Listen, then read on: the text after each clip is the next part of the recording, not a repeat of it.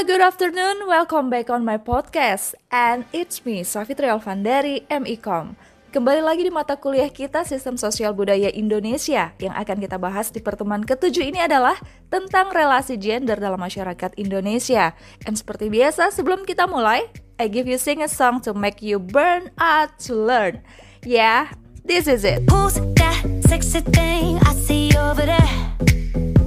That's me, standing in the mirror.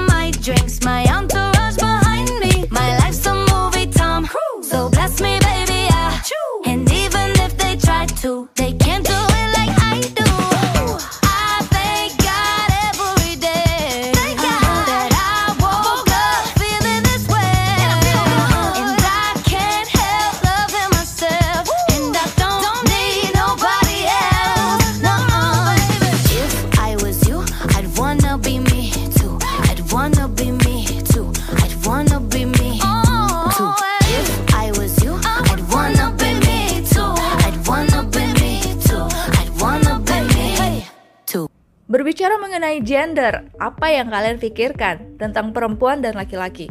Tentunya ada gambaran yang tertanam bahwa perempuan adalah makhluk Tuhan yang paling seksi. No, no, no. Bukan itu yang sedang kita bahas. Kita sering mendengarkan kalau perempuan itu harus bekerja di dapur, membersihkan rumah, mengasuh anak, dan lainnya. Sedangkan laki-laki pastilah gambarannya yang sering kita dengar bermain, bermain, dan hanya bermain. Relasi gender dalam masyarakat Indonesia dapat dilihat adanya ketimpangan yang tidak lepas dari budaya patriarki yang menyelubungi kehidupan sosial antara perempuan dan laki-laki. Menurut Kaplan 1987, perbedaan perilaku antara perempuan dan anak laki-laki selain dari struktur biologis, sebagian besar justru terbentuk melalui proses sosial dan kultural. Berkembang istilah dalam membedakan laki-laki dan perempuan oleh para ahli yakni feminitas dan maskulinitas. Feminitas diasosiasikan dengan perempuan yang memiliki sifat sensitif, feminin, komunikatif, dan cenderung pasif. Sementara maskulinitas diasosiasikan dengan sifat laki-laki yang cenderung rasional, mandiri, aktif, dan biasanya dominan. Hal tersebut tergambarkan bahwa bukan hanya seks yang dapat menjadi ciri dari setiap gender. Hal ini terjadi karena begitu kompleksnya masalah yang berhubungan dengan perbedaan gender itu sendiri.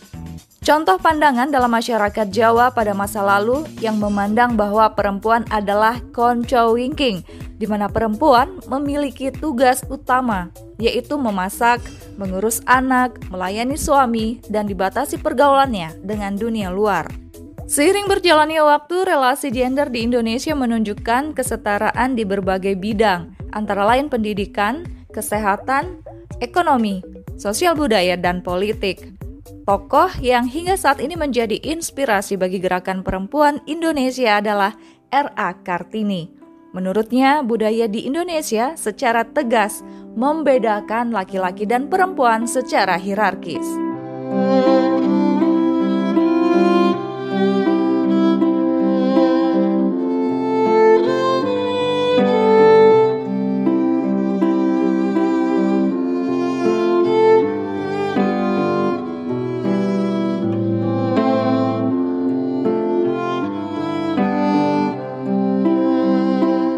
Dalam bidang pendidikan, tahun 2001, ketertinggalan perempuan tercermin dalam persentase perempuan buta huruf sebanyak 14,54 persen, yang jumlahnya lebih banyak dibanding dengan laki-laki yang hanya berjumlah 6,87 persen. Dikarenakan masyarakat dulu lebih mendahulukan laki-laki untuk mendapatkan pendidikan daripada perempuan. Tapi ini adalah gambaran persentase pendidikan perempuan di masa itu. Di masa kini, perempuan dapat setara dengan laki-laki mengenyam dunia pendidikan. Memasuki masa kemerdekaan, upaya dalam menyetarakan gender dituangkan dalam Undang-Undang Dasar 1945, Pasal 27 dan Undang-Undang Nomor 80 Tahun 1958 tentang persamaan upah pekerja laki-laki dan perempuan. Kesetaraan antara laki-laki dan perempuan di bidang politik nampak pada pemilu 1955.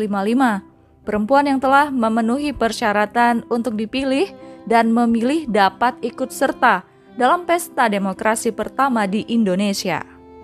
Di bidang politik, perempuan memperoleh hak yang sama untuk dipilih maupun memilih dalam pemilu.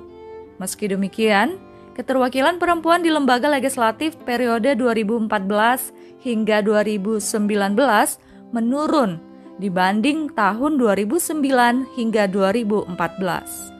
Bila dilihat dari sisi ketenaga kerjaan, kesenjangan antara perempuan dan laki-laki masih jelas terlihat. Tingkat partisipasi angkatan kerja laki-laki mencapai 80 persen, sementara perempuan hanya 50 persen. Terbebas dari konsep binder lelaki perempuan, identitas gender menjadi medan yang senantiasa berubah, menurut Robin Marantz tahun 2017. Relasi gender di Indonesia terus-menerus mengalami perubahan seiring perkembangan zaman dan pengaruh globalisasi.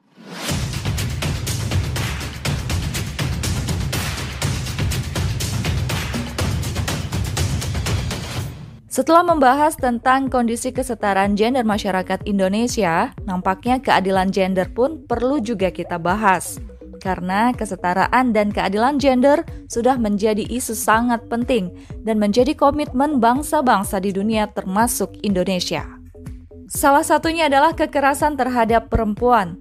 Kekerasan yang kerap kali dialami perempuan adalah kekerasan seksual atau seksual abus, seperti melakukan hubungan seks dengan paksa, pelecehan, dan tindakan seks yang tidak berkenan lainnya.